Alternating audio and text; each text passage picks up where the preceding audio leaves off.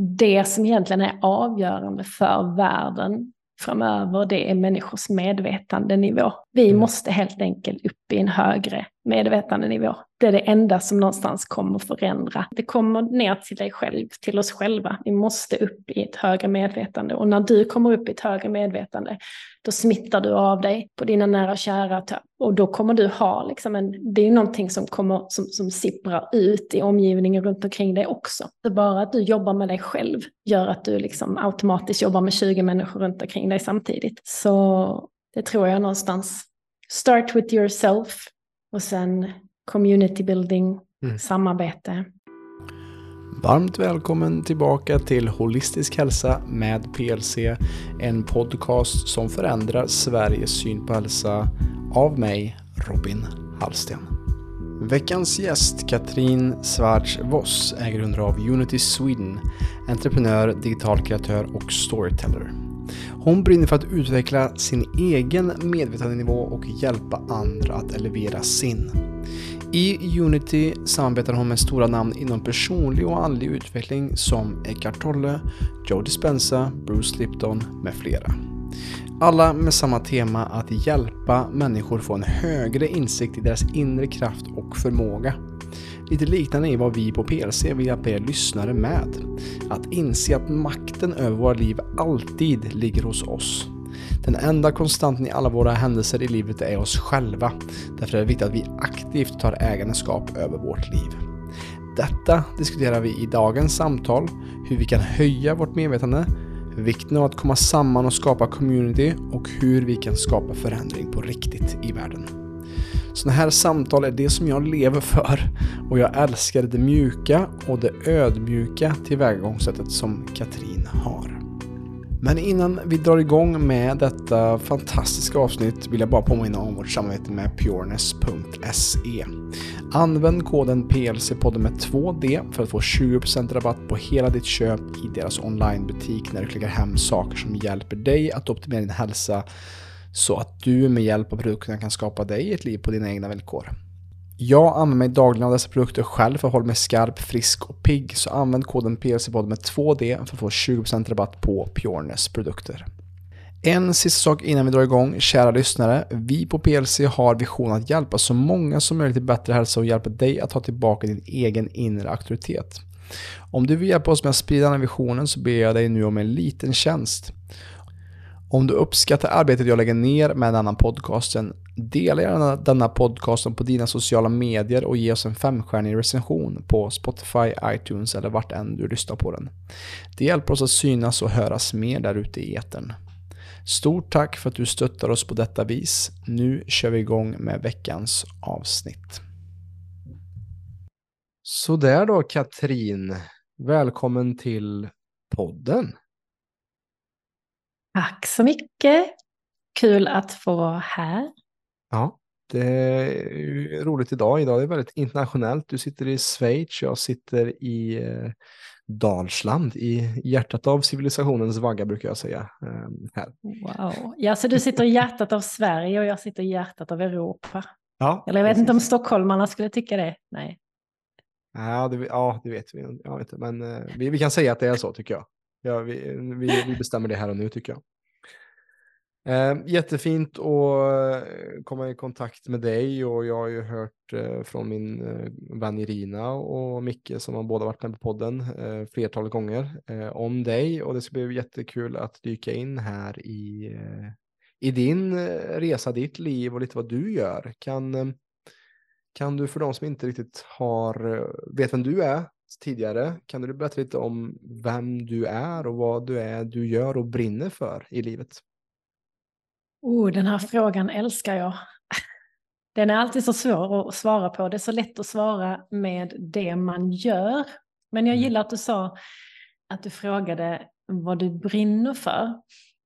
Um, jag heter då Katrine och jag är um, dansk egentligen, men jag har eh, vuxit upp i Sverige och jag har nog alltid varit lite av en sökare egentligen och alltid varit extremt intresserad av människor och varför vi gör som vi gör.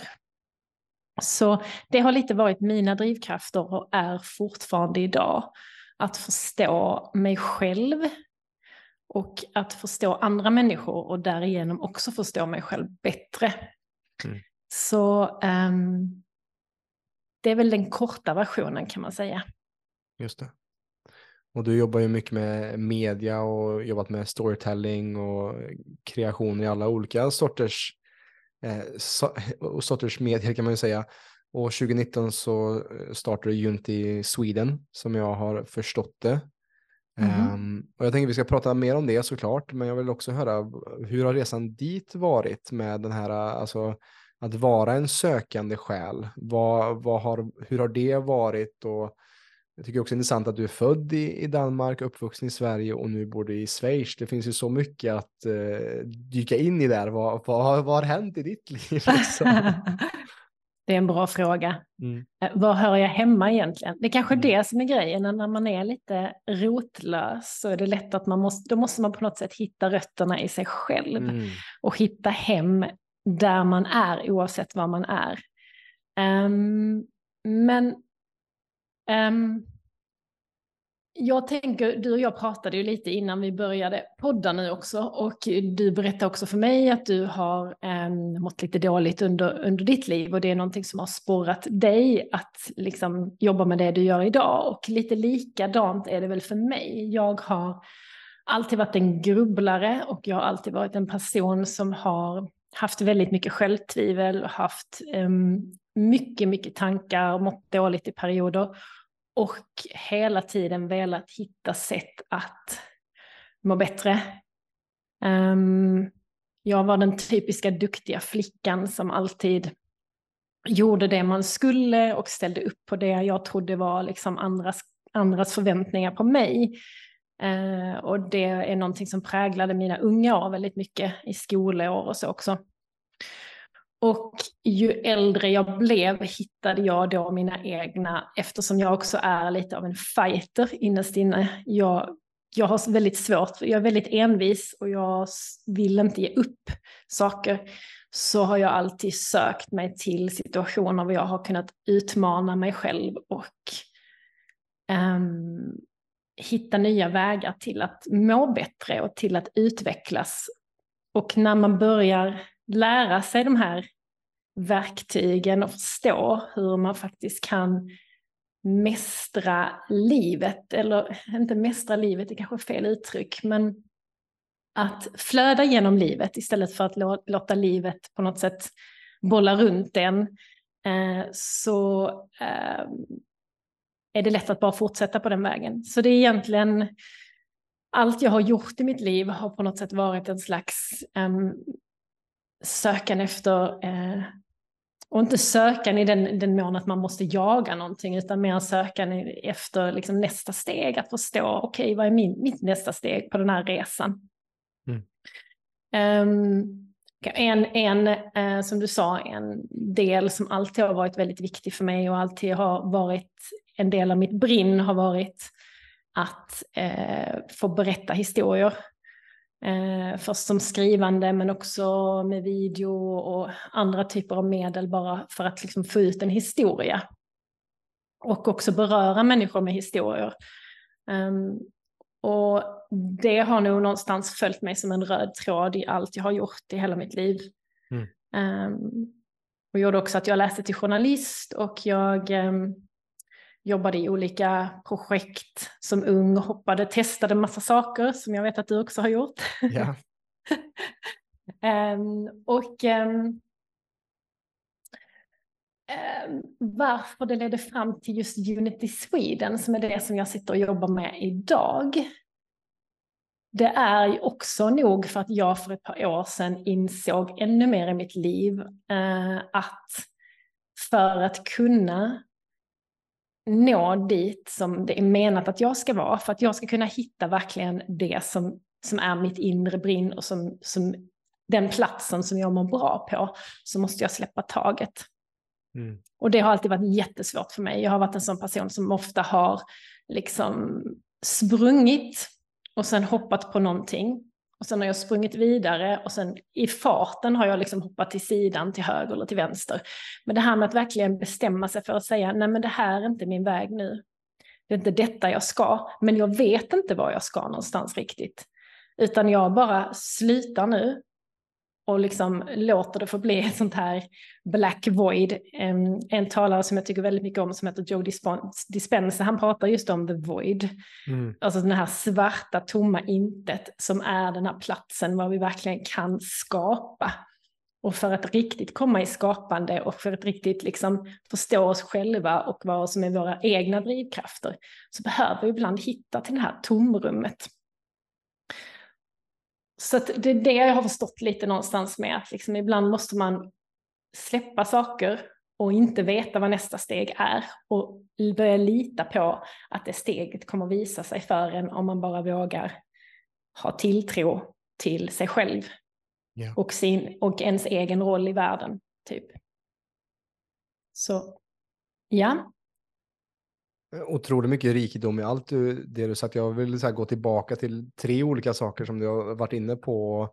Men just bara för att fylla i det med just eh, ett av mina favoritalbum som jag har nämnt i podden tidigare, Fruitful Darkness av Trevor Hall, som just ett album där man, han sjunger om just det här eh, det fruktfulla mörkret. Och när jag hör dig prata så tänker jag också på hur, hur vi alla är sprungna ur mörkret, hur vi liksom kommer från eh, mammas mage där det är mörkt och eh, fertil eh, mark liksom och sen så kom vi ut i, i den här världen skrikandes och, och med blod, mm. blod, blod och avföring och, och, och, att, som du säger, att, att tillåta det sig själv att vara det här svarta i, i det här mörkret och, och det är väldigt passande nu, vi spelar in detta i slutet på november där det liksom är eh, vinter och där har jag, jag vet både du och jag har varit sjuka sista tiden också, det är också ett sätt tecken på för kroppen liksom, att du börjar slappna av lite, du börjar stanna upp lite och tillåta integrera. Och integration är någonting som jag ser överlag i, i världen är någonting som saknas och det som gör att vi faktiskt brinner ut är att vi, vi mm. saknar kyla, vi saknar det här äh, mörkret och vara i det här obekväma kanske också som det blir för vem är vi när vi inte skapar? Och som du säger när vi um, går in i en, en tanke av att vem är jag nu om jag inte identifierar mig med mitt yrke, uh, hur folk ser mig, hur mina vänner ser mig. Och hur kan vi komma i kontakt då med den här äh, djupa inre visdomen och flödet som vi alla faktiskt har tillgång till? Och det är det jag ser, det, är det som ni gör med Eh, Unity och, och Flow Summit bland annat och du snackar om Dispensa och, och den biten och någonting som jag tänkte på när du pratade just om att hitta flödet så, så tänkte jag på någonting som jag hörde på en podd för väldigt länge sedan som har varit med mig väldigt mycket och det är att det finns just fyra olika medvetandenivåer, att det finns något som heter to me, by me, through me eller as me. Alltså saker händer mot mig eller så ska jag skapa saker eller så händer det genom mig eller så händer det som mig. Och de flesta människorna eh, i dagens samhälle som kanske inte har dykt djupt in i sig själva och, och ök, fått en större medvetenhet om vem de är och varför de gör vad de gör. De är oftast de här två första i to me or by me, alltså att jag är ett offer, saker händer mot mig, jag står vid sidan av eh, den livets eh, flod, men jag hoppar inte i och det regnar och det bara regnar på mig och jag vågar inte hoppa i och allting är bara skit och piss och allting händer mot mig.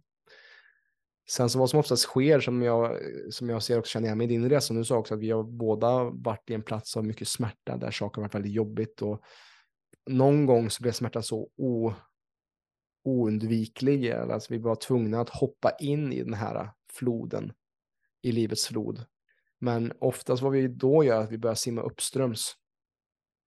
Och vi, kommer, vi, kan komma, vi kan komma någon vart på vår resa, men oftast så kommer vi bara tas med av floden neråt, hur mycket vi än kämpar. Och det kan vara en, en till exempel för någon som lyssnar på det, det kan vara en, en period där man kanske har jobbat för någonting väldigt hårt, men att man brinner ut sig för att man inte har flödat med livet. Man har varit i motstånd, man har skapat förväntningar över livet som faktiskt inte är liksom det dit livet tar dig. Eh, mm, och det är det som är det stora mysteriet, liksom, att, att tillåta livet att ta oss dit vi faktiskt ska. Mm. För all smärta och lidande skapas ju i att vi har en förväntning av att livet ska vara på ett annat sätt. När livet bara är. Livet bara är och sen så är det hur du reagerar mot det. Då har vi liksom den tredje och fjärde som är hur kan jag göra så att livet eh, händer through me? Hur kan jag flöda med floden neråt och låta livet flöda genom mig? Kontakter och vänner och eh, jobb och eh, min hälsa. Hur kan jag liksom eh, hitta saker som jag kan ehm, komma i balans och i kontakt med en ehm, eh, alignment, vad är det svenska ordet för det? Ja, men komma, komma liksom i en ko koherent eh, eh, sinnestillstånd. Och sen så as me är ju, eller som att vi vore floden, att vi alla är eh, allt och mm. ingenting.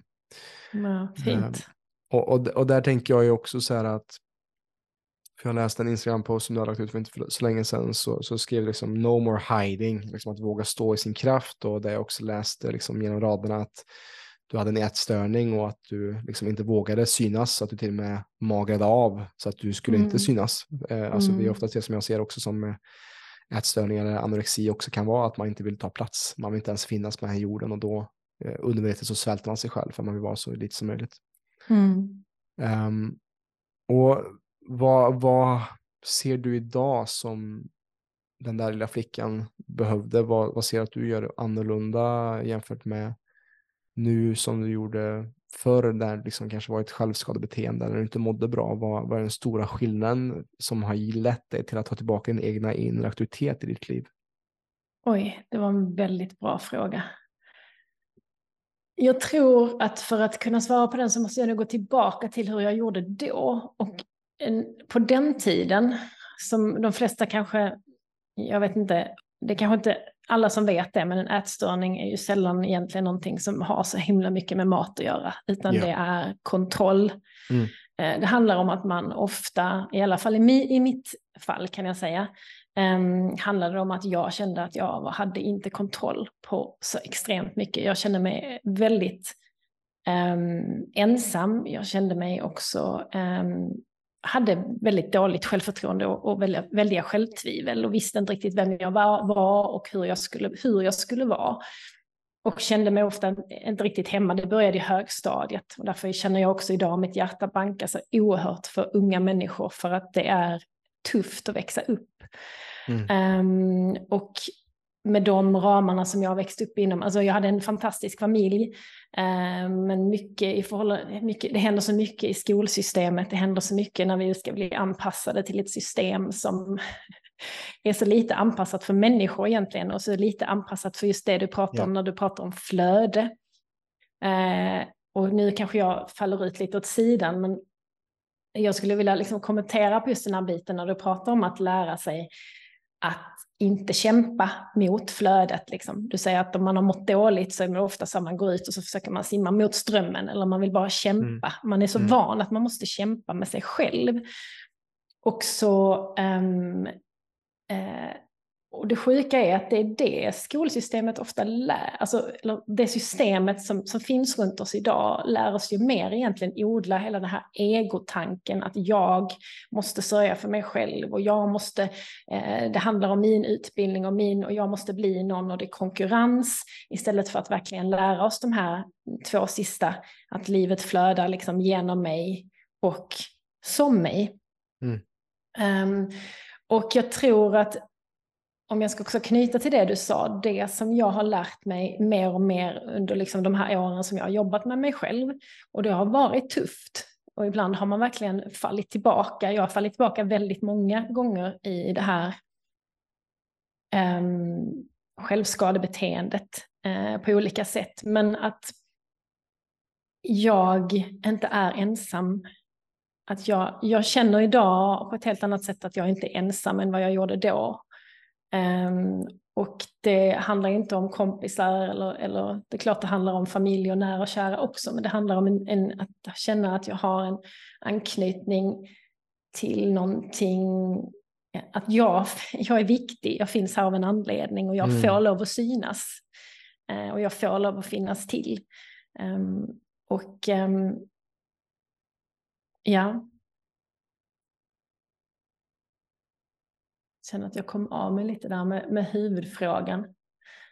Ja, men eh, det gör ingenting för jag tycker det här är så vackert att bara följa just det flödet som vi är inne i här nu. Och, och bara, bara, för att bara för att koppla på där då, så kan jag ta över lite stafettpinnen där och, och säga liksom att jag tror att vi båda kan skriva under på att de vi är idag är de som vi själva behövde när vi var 11, 12, 13, 14, 15. För jag känner mig i dig också där i att jag hade aldrig egentligen en, en ätstörning, men på grund av eh, att jag inte hade kontroll över min kropp och inte fick de verktygen i skolan som jag tycker alla borde lära sig när man liksom börjar förskola. Hur andas du? Hur kan du självreglera ditt nervsystem?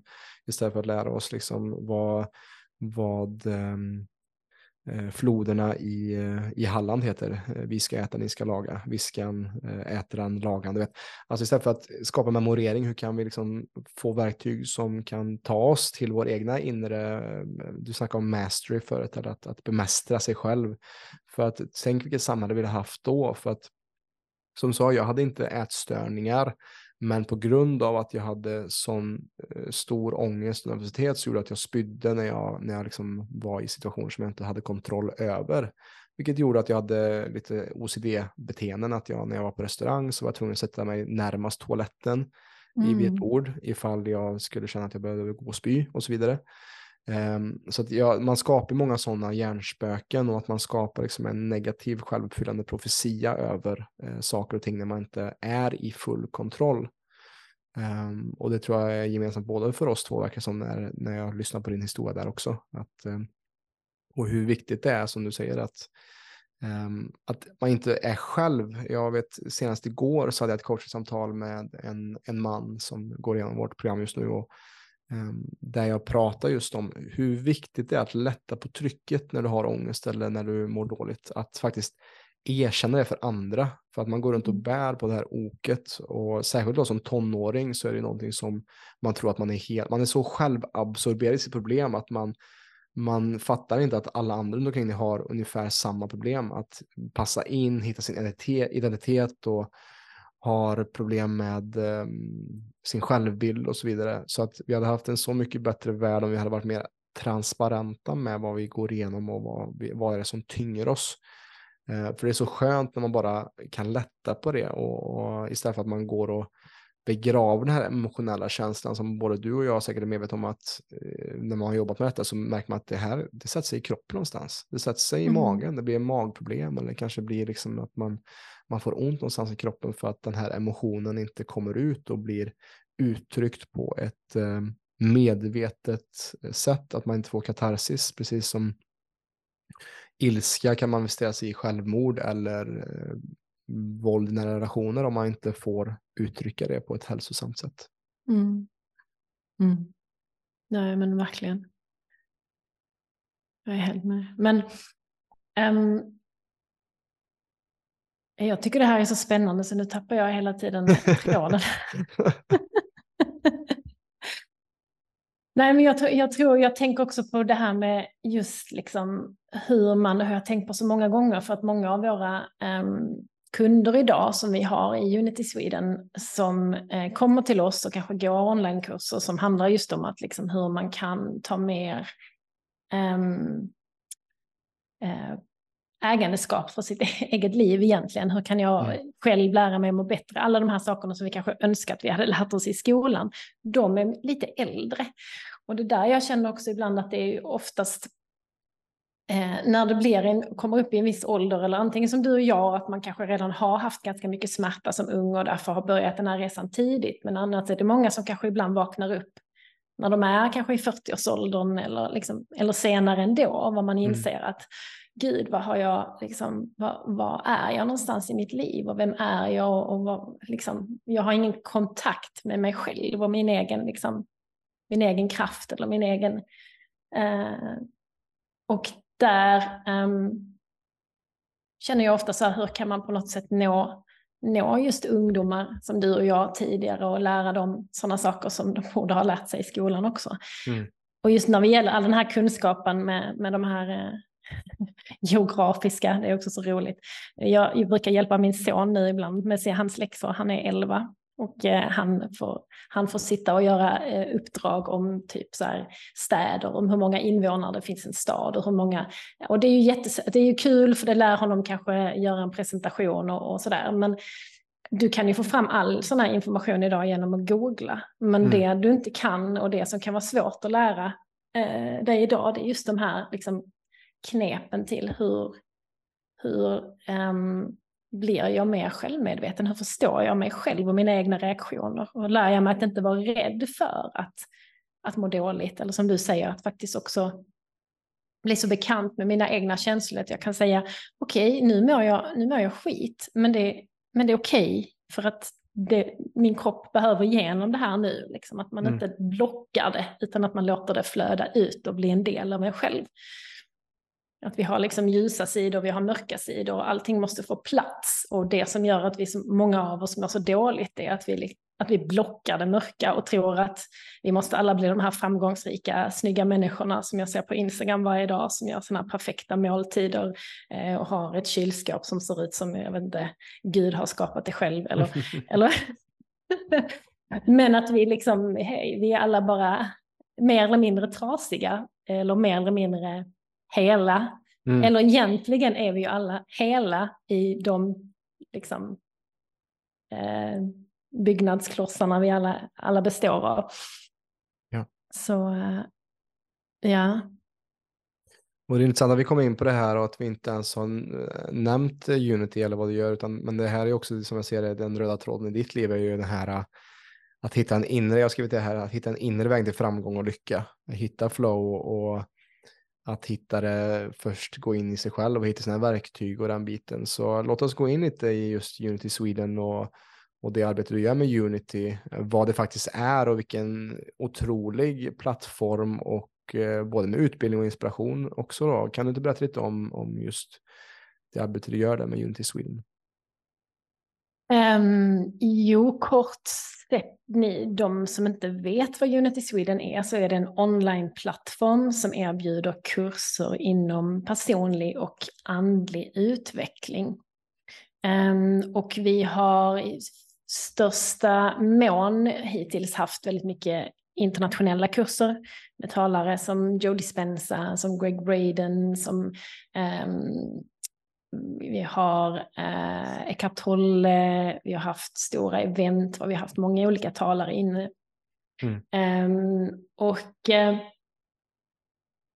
egentligen, vad är ju i princip målet för Unity är att, att vi alla människor ska på något sätt förstå att vi har alla verktyg inom oss att vi har någonstans alla verktygen i vår egen verktygslåda till att lära oss att ta oss igenom livet på bästa sätt och flöda i den, i den mån vi kan. Och en sak som jag också tycker är så himla viktig och som jag ofta vill poängtera när jag pratar med folk om Unity, det är det här med att just personlig utveckling och andlighet. För att jag tycker fortfarande det finns en diskrepans ibland mellan det här med vad andlighet är och personlig utveckling och att det finns den här prestationstanken ibland med personlig utveckling, att du ska någonstans bli bättre och bättre och du ska liksom eh, effektivisera dig själv. Och så finns den här andliga biten som folk oftast förknippar med någonting lite mer så här, ibland fortfarande lite mer flummigt. Mm. Vad jag tycker, jag är själv uppvuxen i en familj med Eh, en pappa som var läkare och allting var väldigt vetenskapligt och skulle vara evidensbaserat och sådär. Men jag anser att vi alla människor har en andlig sida inom oss, att vi har andlighet, liksom, vi har naturlig, en naturlig åt, vad heter det, koppling till andlighet och vi är en del av någonting större. Um, men att vi har olika sätt att uttrycka det på, vi har olika sätt, det har olika sätt att komma till uttryck i oss. Mm. Så jag tycker, det, någonstans för mig var det så himla viktigt också att förstå att för mig andlighet är inte någonting specifikt. Det ser inte ut på något speciellt sätt, det låter inte på något speciellt sätt. Det är liksom inte förknippat med religion på något sätt, utan det är någonstans en naturlig drift inom oss att, att på något sätt hitta vår själs längtan. Mm. Uh, vår inre flod. Ja, exakt. Um, så ja, nu kommer jag ut och blir lite flummig igen, men Unity finns egentligen, Unity Sweden är en, en liten del av en större organisation. Så Unity eh, grundades för, först, eh, för, för, till första början eh, i eh, Schweiz, där jag är just nu. Så jag är faktiskt inne i hjärtat av Unity just nu. Och mm. det började egentligen som en tysk organisation och har under de senaste åren, bara fyra, fem åren, spridits till en mängd länder i Europa och Asien och även Sydamerika. Så det har blivit en stor rörelse på många sätt och vis. Och det på något sätt är det ju också en del av hur världen ser ut nu, att fler och fler människor faktiskt vill förstå sig själv mer och vill vakna upp och, och inse liksom vad är, det jag, vad, vad, är det jag egentligen ska? Är det någonting som jag, som jag har växt upp med och som min pappa alltid gjorde, och min mamma alltid gjorde och som jag alltid har trott var min grej men egentligen kanske jag är en helt annan människa eller eh, att man, att man någonstans, fler människor på något sätt vill leva med hjärtat mer än med, med huvudet. Ja. Eller i alla fall kombinera de två. Och som jag ser det så är det också den här, det finns en större hunger nu mer än någonsin tror jag att, att just utforska den här biten av oss själva för att eh, när vi kollar bara runt omkring i världen just nu så trots att vi ska är så moderna och, och teknologiskt framskridna så mår vi sämre och sämre. Vi spenderar mer, mer och mer fram, tid framför en skärm. Um, vi lever allt mer och mer i urbana områden, uh, omgivna av betongklumpar, asfalt och fyrkantiga rum. Och där, jag tror du kan, du kan aldrig du kan aldrig koppla bort människan från själen. Du kan aldrig koppla bort en människa från andlighet. Det kommer alltid finnas en suktande efter en högre mening och ett högre syfte med ens liv. Och, um, jag tror eh, på grund av att vi är i en, eh, eh, för många ser det som lite Armageddon just nu, att vi är en, i ending times. Jag ser också att det är en beginning times, alltså det, är början på någonting, det är ett uppvaknande som sker där i att okej, okay, de sakerna som vi har lärt oss, de håller oss inte. Institutioner som har så här, sagt att de ska hålla vår rygg och vara där för vårt egna bästa. Det funkar ju inte. Jag mår dåligt. Jag går på tre olika typer av psykofarmaka och sömntabletter för att sova. Och, um, det måste finnas något annat. Och det var ju det som var min resa också när jag var yngre. Uh, jag gick till vården med mina problem med ångesten. Fick Novalucol på grund av att jag hade, de trodde att jag hade problem med magen. Men det var ju mm. liksom ett mentalt problem, ett, ett själsligt, det var liksom som en själslig kris som jag hade redan som ung då. Mm. Eh, som inte, du vet, en, en tablett Novalucol hjälpte ju inte med mina hjärnspöken och då, det fanns ju inte, det fanns en väldigt trubbighet i de verktygen som, som presenterades för mig och det har ju gjort att det har lett mig till den vägen jag är idag och där nu fler och fler lyssnar på den här podden, fler och fler blir coachade av oss, blir medlemmar hos oss för att man inser att hmm, de sakerna som erbjuds till mig eh, i den konventionella vägen, det funkar ju inte. Till viss del kanske funkar i akutvård och sånt, men just när det kommer till att besvara livets större frågor så eh, besvaras inte de genom att ta ett piller som ska hjälpa mig med att få bättre serotonin eller dopaminnivåer i min hjärna. Mm. Vad tänker Precis. du när jag säger så?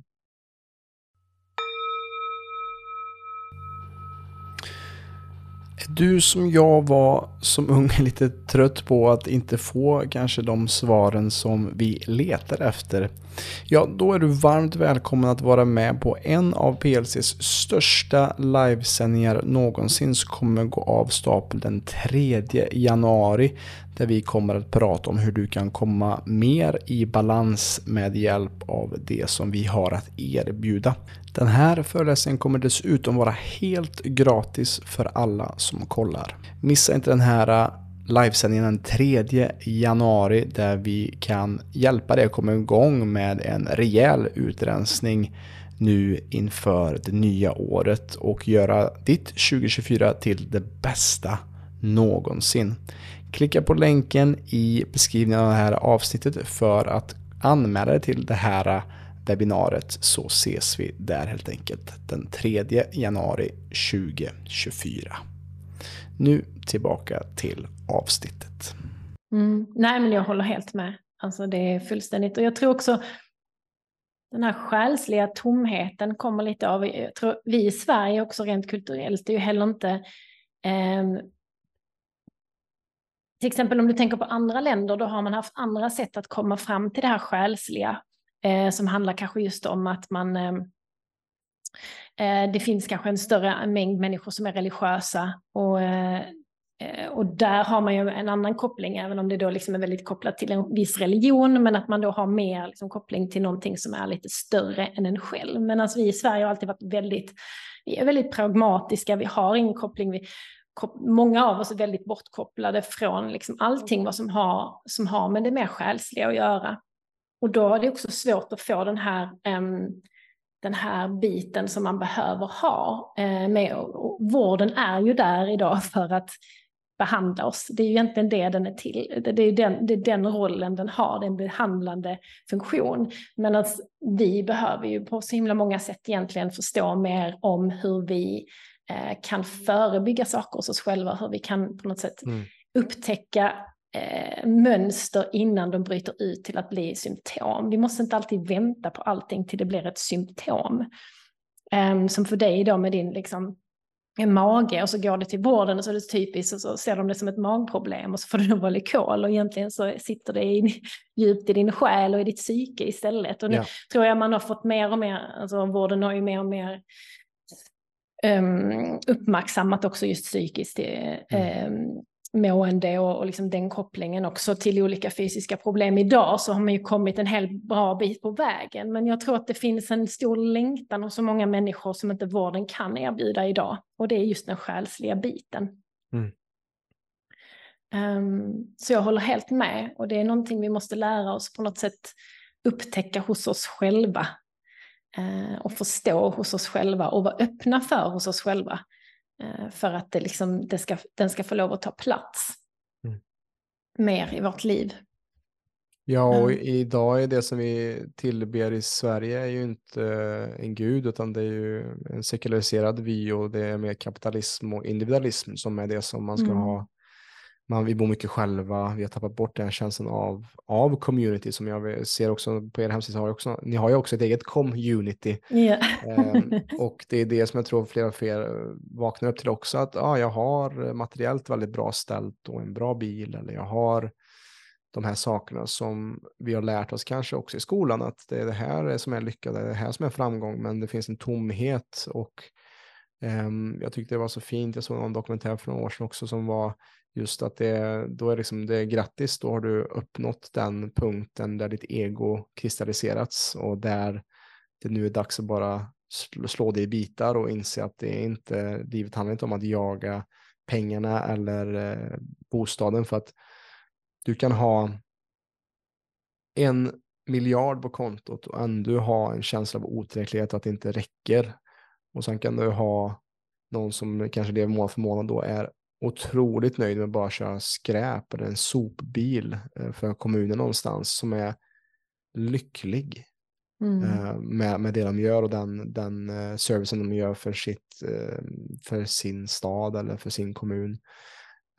Och det har ingenting med värdet de har på kontot att göra, utan det är det här inre arbetet. Så hur kan vi berika just den inre, den själsliga aspekten i oss som Ja, jag tror det är någonting som jag också vaknar upp mer och mer till, mer och mer, vi snackade om det innan podden drog igång här, att, eh, att värdesätta just eh, vårt kontaktnät och, och de vi eh, omger oss med, att det är det viktigaste vi har egentligen, för att ensamma, ja visst, du kan leva ett ensamt liv och, och leva liksom isolerad i, i en eh, fin lägenhet eller, eller jobba på egen hand, men om du bara kollar på bara akten om att gå till butiken och köpa en vara.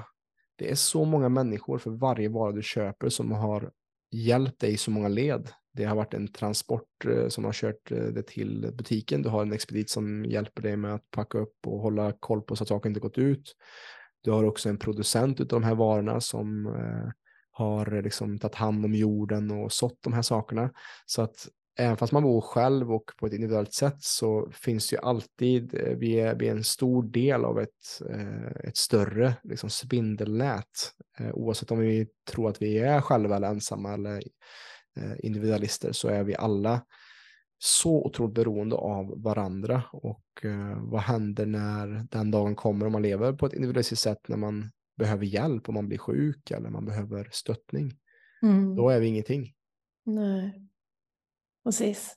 Och det är det som jag tror är svårt för många också, för att det finns ju säkerligen jättemånga där ute som kanske känner att men jag har inte, vad är mitt kontaktnät egentligen? Alltså, mm. Som kanske också är väldigt ofrivilligt ensamma.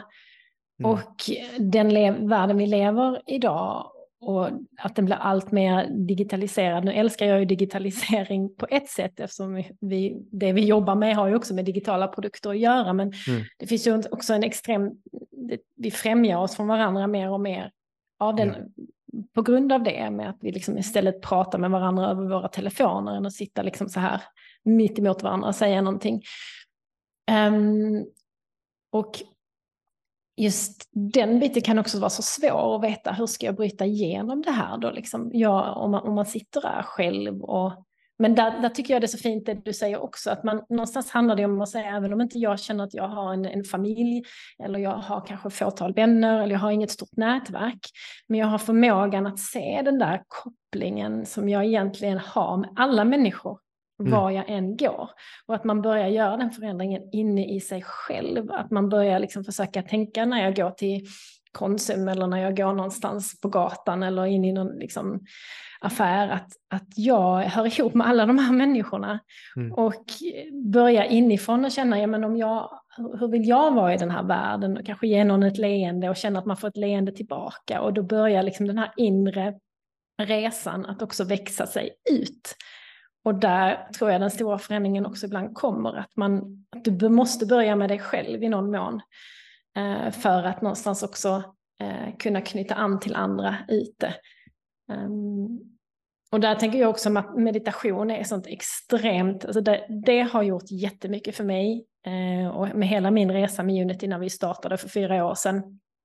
Eh, hur mycket meditation egentligen kan hjälpa dig till att hitta den där inre ron eh, och förstå liksom, kopplingen både till dig själv men till alla människor runt omkring dig. Mm.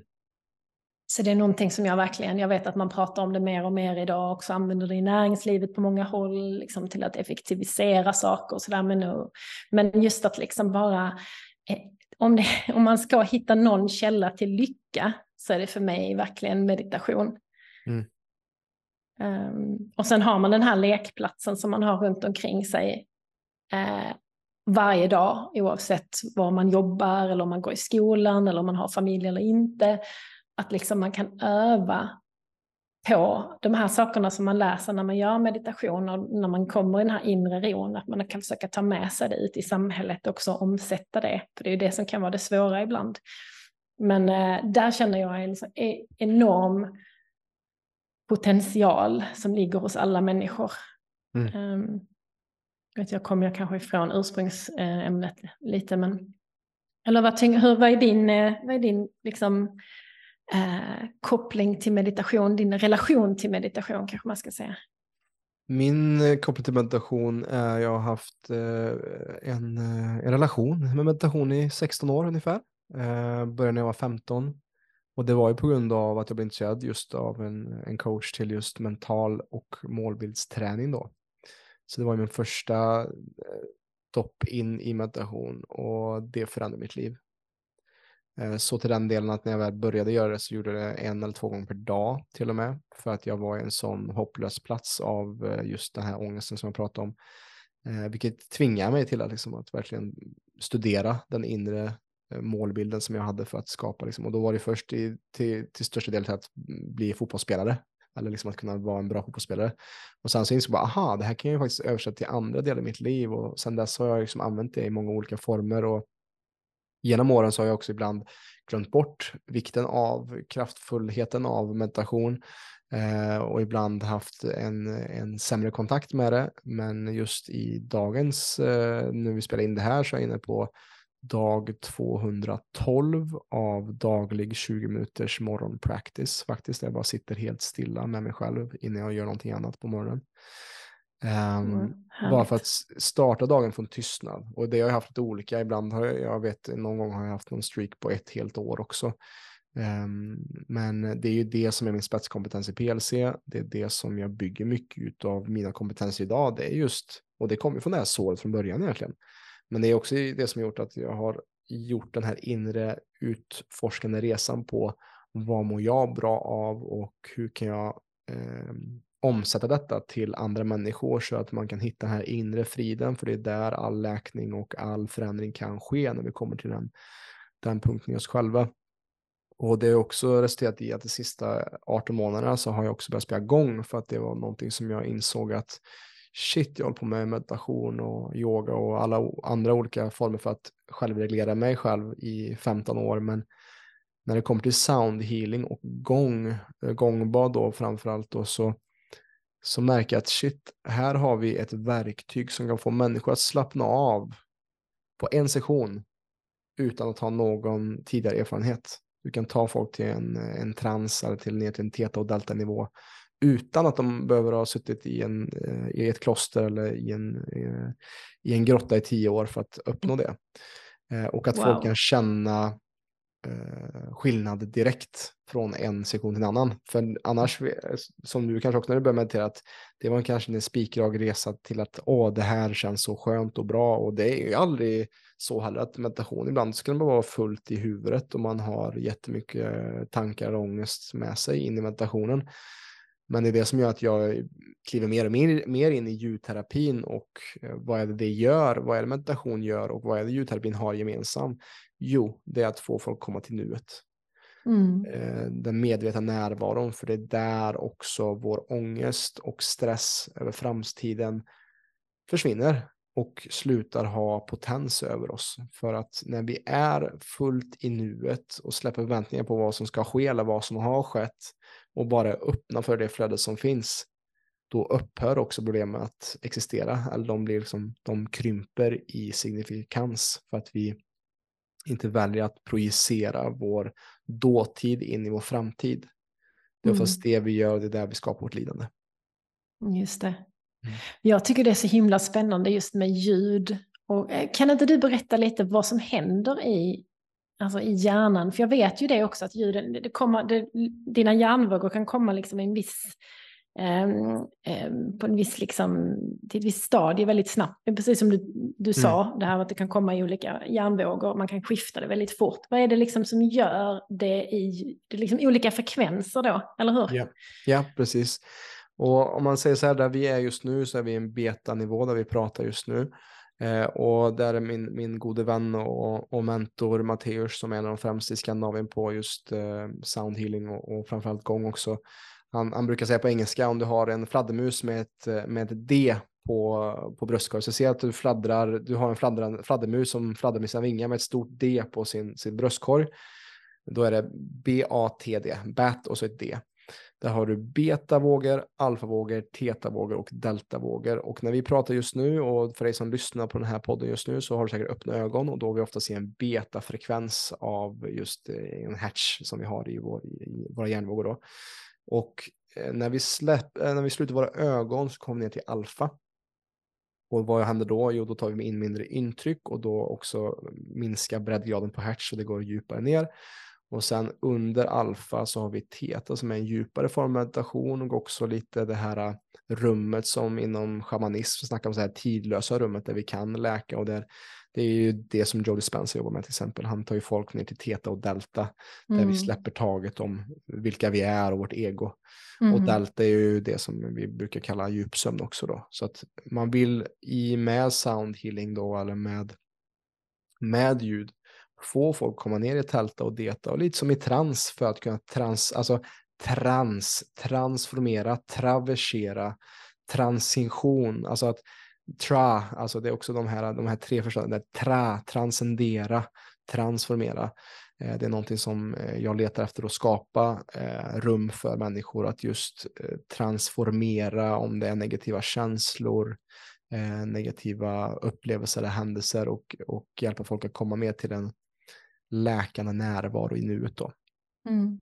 Och när vi har ett ljud att fokusera på, det är samma varför vi har mantran eller varför vi har en drishti i yoga, vi kanske kollar in i vårt in, eh, tredje öga när vi mediterar, det är ju för att då har me, eh, sinnet någonting att fokusera på. Vilket gör att då kan du inte fokusera på disken som ska göras eller dina barn som ska hämtas på dagis, utan när vi har någonting som vårt sinne tar upp i form då av ljud, eh, särskilt då djupa vibrationer som vaggar dig lite till, till en djupare avslappning eller harmoniska angeliska röster eller när jag gör övertonsång för människor så ger det någonting för dem att, att bara wow, sugas in i den här medvetna närvaron. Um, och då slappnar kroppen av väldigt mycket och vi kan komma till läkning med inre trauman till och med. Mm. Ja, verkligen häftigt. Mm. För när vi, när vi är liksom i stress och ångest och trauma som vi snackar om, som vi båda var, då är man ju oftast inte i närvaro. Eh, då är vi också oftast lätt till att vi disassocierar eller att vi inte känner våra kroppar. Eh, och eh, det är oftast det som sker när man får en panikångestattack, är att om du har byggt upp en form av disassociation eh, i din kropp, så en panikångestattack kommer inte ur ingenstans, utan det är för att du förmodligen har tappat fokus på din medvetna närvaro, mindfulness och, och just vart du är i stunden. Mm. Och då känns det som att en panikångestattack kommer från ingenstans, men det har säkert varit så att under en längre tid så har du tappat kontroll på din kropp och din, kanske din puls, du har kanske inte tänkt på hur du andas och din puls har ökat för att du inte har gett kroppen nog med syre och sen vips så har du manifesterat en panikångestattack. Mm. Mm. Spännande att höra det förklarat på detta sättet. Uh. Eller hur? Mm. Och, det är det man kan bryta ner, för det är det som jag ser också. Jag vill ju bringa in i samhället, jag vill brygga in just mellan väst och öst, det som jag har lärt mig. Och att eh, just när det kommer till ljudterapi, den här biten, att, att visa, just att förklara på ett vetenskapligt sätt, som folk kan förstå. För att det är oftast det folk annars, de, ja ah, men yoga eller meditation, det är flummigt eller det här, men allting skapas från första början i vibrationer, i våra tankar. Våra tankar är mm. vibrationer mm. som skapar våra ord, våra ord skapar våra handlingar, våra handlingar skapar våra liv. Om du vill se på en människas liv, så kolla på vad de har för dagliga rutiner. Där mm. har du deras liv. Och mm. vad som de kommer få för sjukdomar eller vad de kommer ha för, för styrkor till exempel. Då. Just det. Ja, det här med, ja, det fick mig att tänka på en sak som jag hörde för några år sedan. Det var något av de första eventen vi hade med Unity, Heals, Heal Summit hette det. Och där var det en läkare som hette, eller um, han är faktiskt, jag tror han var biokemist eller något sånt där. Han hade jobbat på läkemedelsföretag många år och så hade han liksom gått ifrån det och skapat sin egen bana. Men hette, han heter eh, David Hamilton. och Han pratade just om en atom eh, som vi ju då är uppbyggda av. Och att när man tittar, på, alltså när man har en atom, och man tittar på den framför sig, om man liksom har den i, i blickfånget, då är den liksom som en, en sammanbyggd atom. Men så fort du liksom tar bort eh, uppmärksamheten från den så flyter den ut och så blir den energi och, eh, istället. Alltså att den blir liksom i, så att den kan, den kan liksom gå in i materiell form och så kan det flyta ut i energivågor istället. Och att det, på något sätt är det, det materiella kommer av att vi fokuserar på det men mm. att vi egentligen är uppbyggda av energi mm. och frekvenser. Och det, det tycker jag, den, den, just, den, just den lilla liksom biten, eller liksom kunskapen, har förändrats så oerhört mycket för mig. I hela liksom sättet jag tänker på mig själv och, och liksom världen i stort. Och jag tycker det är en extrem häftig tanke och det är också det till exempel eh, Jody Spencer jobbar mycket med, att han, eh, att han pratar kring just det här med oss som när vi är ute i kvantfältet, eh, som han då kallar det, the void, det mörka, det liksom, där var ingenting finns egentligen, var vi bara är energi där är allting möjligt och där kan vi skapa precis mm. den världen vi vill. Liksom. Och så, så kommer vi tillbaka till det här 3D-livet, vad vi är, våra kroppar, vad vi är, vad har vi liksom har de här materiella tingen runt omkring oss. Men att lära sig växla mellan de här lägena och förstå också egentligen vårt ursprung. Eh, ja.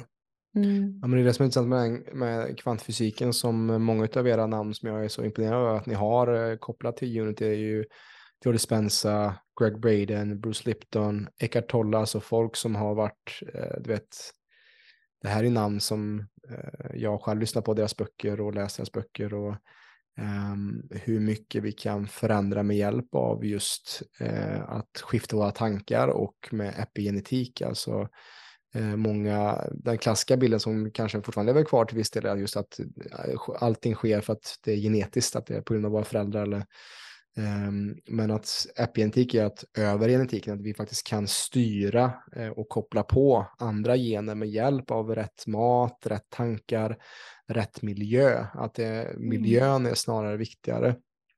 Men där kan det också vara liksom att många av våra problem startar inte med oss, utan det startar, man måste också kolla på sitt familjeled. Vart kommer den här ilskan från som man kanske har okontrollerbart? Kanske är det min morfar som hade alkoholproblem. Alltså, man måste mm. kolla djupare in i sin, sin historia och sitt ursprung. Och det är väl det som gör också, när jag tänker efter, så är det också det som gör att varför jag är så sjuk idag. Att vi har tappat bort vårt ursprung som människa och frånkopplade, bor i urbana miljöer och vi är inte i kontakt med naturen. Vi, mm. vi ser oss själva ovanför naturen och att vi är det, naturens härskare, medan det faktiskt är tvärtom. Mm. Vi är en del av det. Mm, precis. Exakt. Vi är en del av Moder Jord, vi är en del av, eh, eh, vi är skapta ur den här platsen som vi går runt på. Mm. Verkligen. Men det är lätt att, att tro med, med tanke på människans historia under de senaste, framförallt hundra åren, hur vi har hur mycket det har utvecklats och hur mycket, eller hundra år, det är ännu längre tillbaka, men det tänker jag också mm. sen mycket sen industrialiseringen. Yeah. Var, ja, det är lätt att tro att vi är herre på täppan, men jag tror någonstans förstår vi, mer, förstår vi, mer, äh, förstår vi väl mer och mer nu att, liksom att det, det inte är så längre. Ja, exakt. Och jag, och ja, det är ju svårt. Jag menar, de flesta av oss, många av oss ute i världen nu, vi kanske ganska, jag som bor i Schweiz, du som bor i Sverige har väl hyfsat mycket natur runt knuten ändå. Men det är ju många mm. som bor i storstäder, liksom i delar av världen var de inte ens ser något grönt Nej. överhuvudtaget runt omkring sig. Inte ens en, en krukväxt. Och um, då kan det vara rätt så svårt att, att någonstans koppla tillbaka till naturen. Även vi som kanske lever i, i en värld var, eller i länder där det är ganska nära till en skog. Hur ofta går man dit? Mm. Man har sitt liksom rullande schema, man har sin, sin uh, vardagsstress och saker och ting som ska göras och som man behöver hinna med. Och så har man sina Instagram-konton och sina Facebook-konton och sina WhatsApp-grupper och så måste mm. man ringa mamma och ringa eh, kompisen och så måste man göra, alltså det är väldigt mycket, det är väldigt taskbaserat hela tiden och det är där det är så himla lätt att bara förlora totalt när underlaget under fotsulorna. Ja, och Men det, att, det är det som ser det stora, stora giftet idag är ju att vi är förblindade av ljuset. Eh, när vi, vi är också, många demoniserar också solen idag, att den är farlig. Eller liksom att man inte ska överexponera sig, men att eh, vi idag spenderar tid framför en artificiell ljus eller vi bor i, en, i städer som är artificiellt eh, ljus, eh, alltså så mycket vi tar det för givet att det är ljust på, på mörka kvällar när det egentligen borde vara eh, som, som rubbar vår cirkadiska rytm. Liksom. Eh, och det är så viktigt att också komma i kontakt med, för att så många av våra komplexa sjukdomstillstånd idag kan läkas på väldigt eh, simpla medel. Alltså komma ut, eh, komma i mer kontakt med natur, ha en känsla av sammanhang med andra människor, få solljus på kroppen och på huden, eh, att äta riktig mat, att gå barfota ibland, att ta kalla bad och basta. Eh, så kan mycket, mycket liksom läkas om vi bara ger kroppen rätt miljö. Mm, precis. Mm. Och man behöver inte sitta ute på en sten vid en sjö i åtta timmar, utan ibland kan det räcka att bara gå ut och ställa sig någonstans och sätta fötterna i marken och andas djupt i ja tio minuter. Och sen har man på något sätt en slags, då har man hittat den där förankringen igen. Ja. Men eh, jag tror det är, det är så enkelt och ändå så svårt för så många. Ja. Jag vet, min pappa var läkare, som jag sa, han var husläkare. Men eh, han var också väldigt, även, var väldigt bra med människor. Och jag minns speciellt en sån här, eh, en patient som kom till honom någon gång vad hon hade varit, hon, var, hon mådde så dåligt och hon var övertygad om att hon hade alla möjliga slags sjukdomar och framförallt att hon hade cancer då, för hon hade så ont i huvudet och hon hade, det var väldigt mycket sådär, eh, väldigt mycket ångest. Och han satte sig ner och så bara satte han sig framför henne och så sa han så här, jag kommer inte ihåg vad hon hette, men vi säger att hon heter Gunilla. Och sen la han handen på hennes axel så här, så här Gunilla, du har inte cancer. Du är stressad. Du behöver bara stressa ner. Mm. Och Gunilla tittar på honom så här, så här. Och sen andas hon ut. Och så är det precis som om axlarna bara sjunker ner. Just det.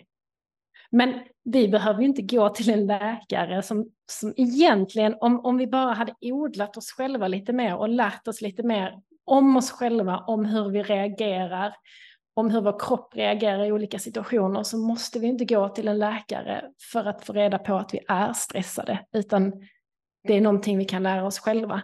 Mm. Um, men eh, jag tyckte det var ett roligt exempel, för det är också väldigt symptomatiskt att vi kan lätt bli sådana här, det blir extremt drama och någonstans är allting fel på oss och sen i slutändan, det kan ju hända, människor får också allvarliga sjukdomar och det är hemskt, men ofta är det ju någonting kanske som är kopplat i oss själva som vi någonstans kan lära oss känna in och komma till ro med själva. Ja, exakt. Mm. Och att komma till ro med oss själva är ju det som jag ser den breda övergripande jobbet du gör med, med Unity Sweden. Att du, eh, som, som vi sa också, att du använder det artificiella ljuset, skärmar och, och att ändå för att connecta människor Um, eftersom det mesta är online, digitaliserat och så. Vad ser du för vision med Unity Sweden och Unity som helhet och vad är det du vill bringa fram mer i den här världen som är väldigt um, ja, men vilsen idag och som uh, kanske inte riktigt vet vart den ska? Mm. Jag tror att helt, vårt mål är ju helt enkelt att fortsätta ge människor en möjlighet att um, lära sig tillsammans med oss. Och att just att vi är online gör det också väldigt behändigt för folk att du kan sitta hemma, du kan välja mellan olika kurser, olika kurslärare, Också just det, det som passar dig. Vi har ju både från, liksom, som vi pratade om innan, lärare med, som har med kvantfysik och pratar väldigt mycket om kvantfysik eh, epigenetik. Vi har också shamanistiska lärare som pratar mer ur det perspektivet. Eh, vi har haft eh, en kurs med Gabor Matteus som är psykoterapeut som pratar kring trauma. Så det finns väldigt många olika aspekter, väldigt många olika principer som man kan använda så att man kan lära sig lite vad är det, vad är det mm. som jag tickar med. Och det som jag tyckte var så himla intressant när jag har gått igenom många av de här kurserna under de här fyra åren är att någonstans så, så är målet detsamma. Vi är på samma resa och vi, många av teknikerna är ju snarlika oavsett vilken metod du använder. Eh, det är bara det att du måste hitta det som någonstans eh, du mår bra av och du, du kan lära dig av oavsett vad det är. Eh, och där, så vårt mål är egentligen att fortsätta kunna driva sådana här kurser och kanske också ehm, göra Unity Sweden ännu mer lokalt, svenskt. Vi mm. har vår första svenska kurs nu med en fantastisk kurshållare, naturläkare och shaman som heter Lisa Kock. Och det är en kurs eh, som vi har skapat helt själva. Alla, många av de andra kurserna har vi köpt in licenser och sen har vi översatt dem. Men den här har vi skapat från grunden själva tillsammans med henne. Och detta vill vi göra mer och mer, för vi tror också väldigt mycket på att det finns så oerhört mycket kraft i Sverige redan. Det finns så många, alltså som du, som jag, som många av våra gemensamma vänner som vi också har, som mm. jobbar för liksom, samma syfte. Och jag tror också mer och mer på att vi ska börja liksom, samarbeta med varandra. Det jag har sett så mycket när vi kom in i Sverige 2019, det var att det fanns jättemycket initiativ. Men det fanns inte så många samarbeten. Det var väldigt mm. mycket, alla satt på sitt eget lilla hörn och så satt man liksom och knåpade med sina saker. Vilket är fantastiskt. Men för att vi ska också bli en mer liksom, eh, sammanhållen kraft så tror jag att det krävs mer och mer samarbete eh, i framtiden. Och också att människor känner att de kanske kan få gå mer och mer in i den här community-känslan. Att det som behövs ofta när du är på en resa vad du kanske håller på och är inne i din egen transformation kan kännas ganska ensamt. Ofta kanske du har, känner att tidigare relationer inte riktigt funkar längre. Du har behövt stänga dörren till vissa saker. Det är vissa grejer som är helt nya för dig. Du kanske känner dig vilsen och där tror jag också det finns en oerhörd kraft i att samla människor tillsammans och att man kan hjälpa, att man kan känna I'm not alone precis som vi sa när man är typ ung, alltså när du mådde dåligt, när jag mådde dåligt som ung, att man känner sig så jäkla ensam. Du känns, känns som du är den enda i världen som mår så här. Det finns ingen som mår så pissigt som du. Eh, och sen är det säkert också en del av ungdomens liksom, självcentrering. Men mm. om människor fattar hur mycket vi egentligen speglar varandra, hur många egentligen det är som känner precis likadant som du.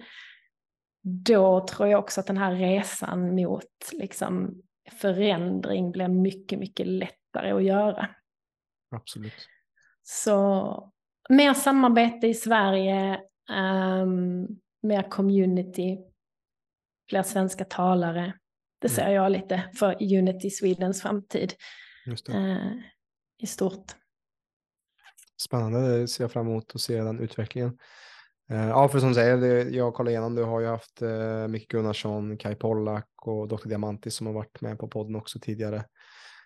Um, och det är så fint att, att, se, det finns alternativa sätt att se på hälsa, sjukdom och livet. Uh, och det är någonting vi behöver verkligen fortsätta att bygga vidare på och utforska olika vägar och därför den här podden finns. Och du har lite, varit inne lite på min sista fråga här som jag tänker vi rundar av med, um, är just uh, Eh, för jag brukar, brukar fråga hur förändrar vi Sveriges syn på hälsa, men du är ju internationell, du förändrar ju världens syn på hälsa eh, och jobbar med det liksom, eller med människor och, och styrka deras inre eh, auktoritet. Och du snackar om community, du snackar om att sammanföra oss människor igen efter att vi har blivit väldigt isolerade. Vad ser du annars för ingredienser för att förändra världens syn på hälsa? Oh, förutom eh, communities, att gå samman och att eh, samarbeta över gränserna. Um, jag tror mycket det är det egentligen. Att mm. vi kanske också som hälsoinspiratörer, vi som hälso, um, hälsoinspiratörer, men vi som jobbar för det här viktiga området också släpper våra egon och uh, släpper och, och, och, någonstans öppnar upp för samarbete.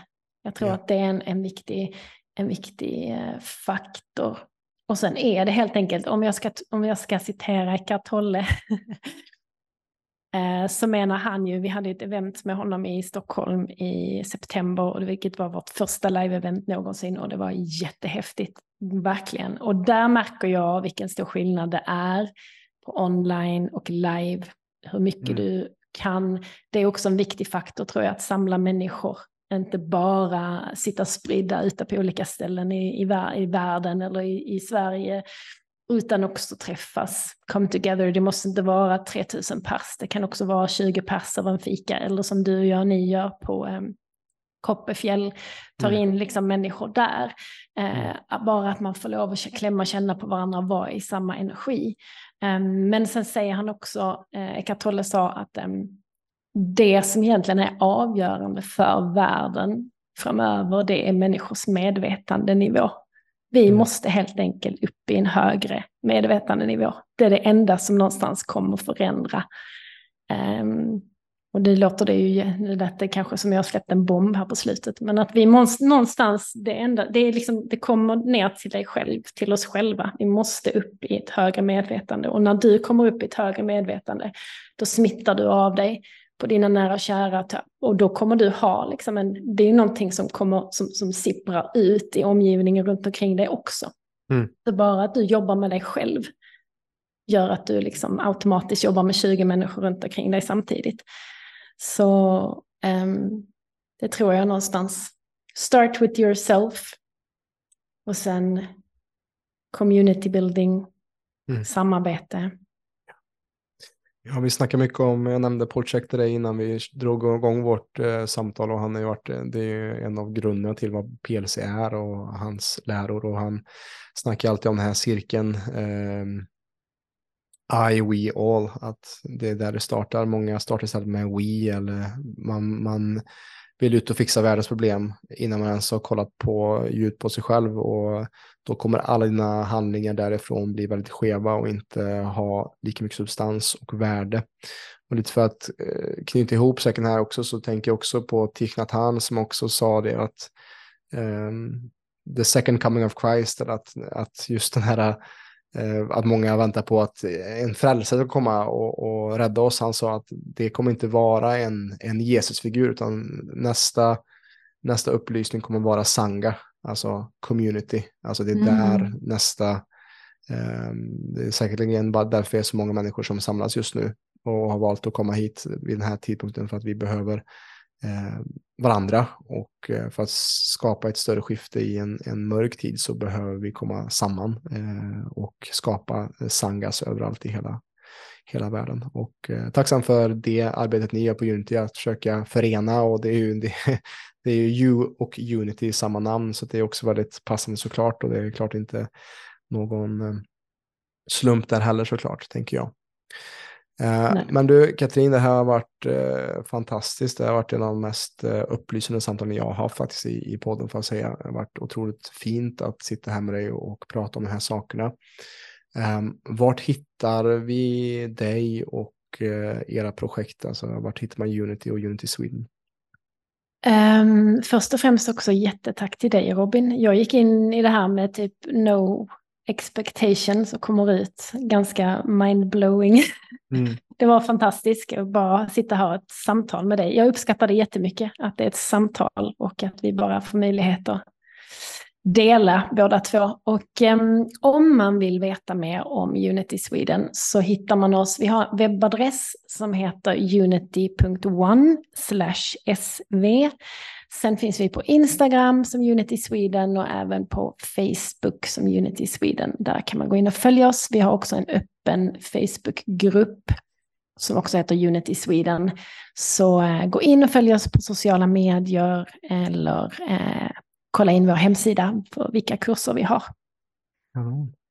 Och bara för att bygga på det, jag fick en, en sak till där när du sa också att det är ju det här som är motgiftet till den polariseringen och det svartvita vi ser idag med nio sekunders TikToks eller 90 sekunders reels. Du kan inte skapa substans och en djupare mening från de sakerna utan det blir vinklat. Vad vi behöver är långformat där vi kan prata mötas och se varandra och inse att vi är mer lika varandra än vad vi är olika varandra. Eller hur? Mm. Mm. Well said. Ja, och, och det är ju någonting som är väldigt passande att avrunda här med idag. Och stort tack Katrin. Eh, och eh, har det här varit eh, inspirerande, har du tagit med någonting från den här konversationen som du kommer kanske meditera vidare på, eller ta med dig vidare på din egna resa mot ett högre medvetande till din egen hälsa. Så för all del, dela med dig av den här podden till nära och kär så att vi med stadig, rask takt kan förändra Sveriges och världens syn på hälsa. Tack för idag. Stort tack för att du har lyssnat på veckans avsnitt här med Katrin och mig. Och är du intresserad av att verkligen kickstarta ditt 2024 som jag nämnde tidigare i avsnittet så kolla in länken i vår beskrivning för att vara med på vår gratis föreläsning och webbinar där vi kommer hjälpa dig att kickstarta ditt 2024 och göra det till ditt bästa någonsin med hjälp av vår nya utrensning, kläns och där kommer vi också prata om grundorsaker till varför vi ofta inte får resultat kring vår hälsa med de sakerna vi oftast jobbar med. Så klicka in på länken i beskrivningen av avsnittet och anmäl dig till det här äh, gratiseventet. Så ses vi där och om inte annat så hörs vi i nästa avsnitt av Holistisk hälsa med PLC med mig Robin.